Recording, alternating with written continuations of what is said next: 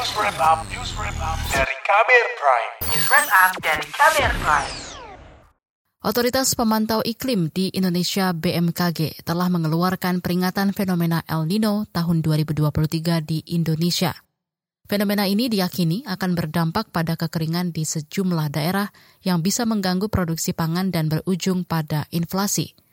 Meski begitu, pemerintah optimistis target inflasi hingga akhir tahun bisa terus turun hingga 3 persen.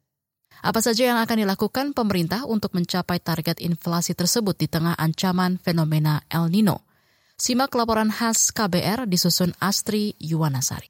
Presiden Joko Widodo menargetkan inflasi nasional berada di bawah 3 persen pada September atau Oktober mendatang.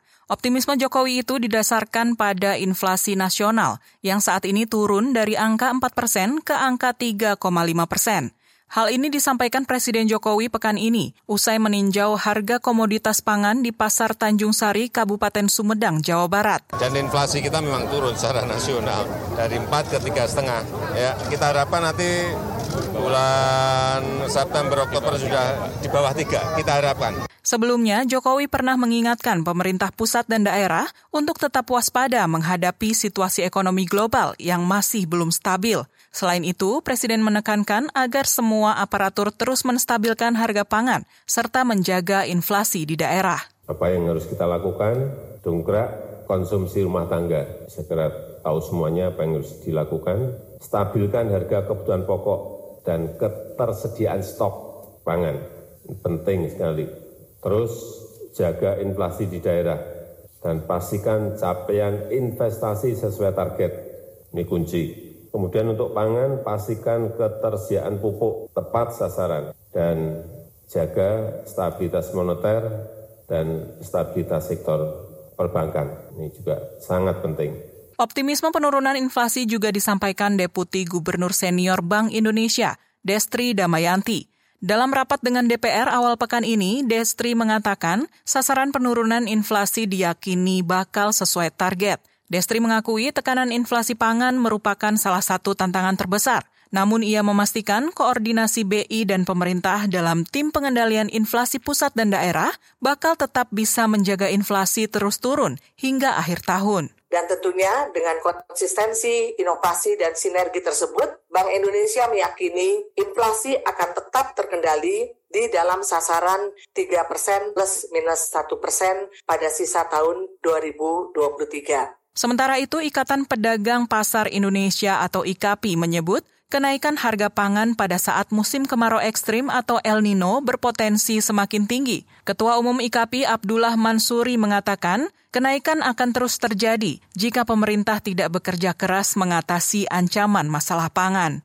Kalau pelaksanaan pengawalan pak pangan masih sama seperti sekarang ditambah dengan beban El Nino yang cukup beban apa uh, El Nino yang tinggi maka kami pesimis kalau ini bisa diselesaikan dalam waktu dekat kita.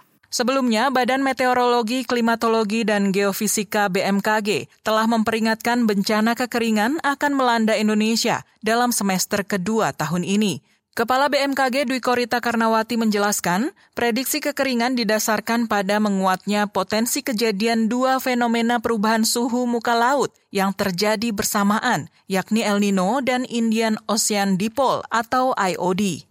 Berdampak pada makin berkurangnya curah hujan di sebagian wilayah Indonesia selama periode musim kemarau ini. Bahkan sebagian wilayah Indonesia diprediksi akan mengalami curah hujan dengan kategori di bawah normal atau lebih kering dari kondisi normalnya. Dua fenomena iklim itu diyakini bisa mengganggu produksi pangan dan berdampak pada peningkatan inflasi pangan. Pemerintah mengisyaratkan serius dalam upaya mengendalikan inflasi dan menghadapi potensi dampak fenomena El Nino di sektor pangan. Awal pekan ini, Presiden bersama sejumlah Menteri Kabinet Indonesia Maju menggelar rapat terbatas membahas sejumlah hal terkait pangan, mulai dari El Nino hingga hilirisasi pangan.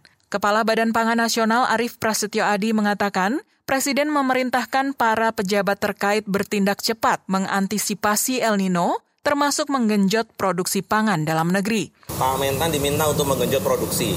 Jadi mumpung masih ada hujan, kemudian boleh tanam, sehingga 110 hari kemudian kita masih punya beras. Pak Budi Waseso sebagai dirut Bulog ditugaskan untuk menyerap produksi petani. Ya.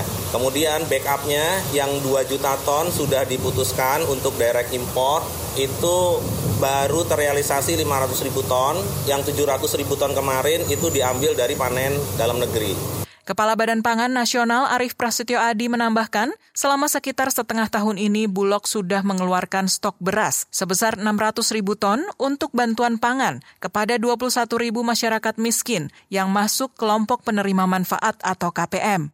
Selain itu, 600 ribu ton beras juga sudah disalurkan untuk menstabilkan pasokan dan mengendalikan harga pangan.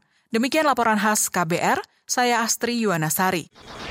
Kamu baru saja mendengarkan news wrap up dari Kabel Prime. Dengarkan terus kbrprime.id, podcast for curious mind.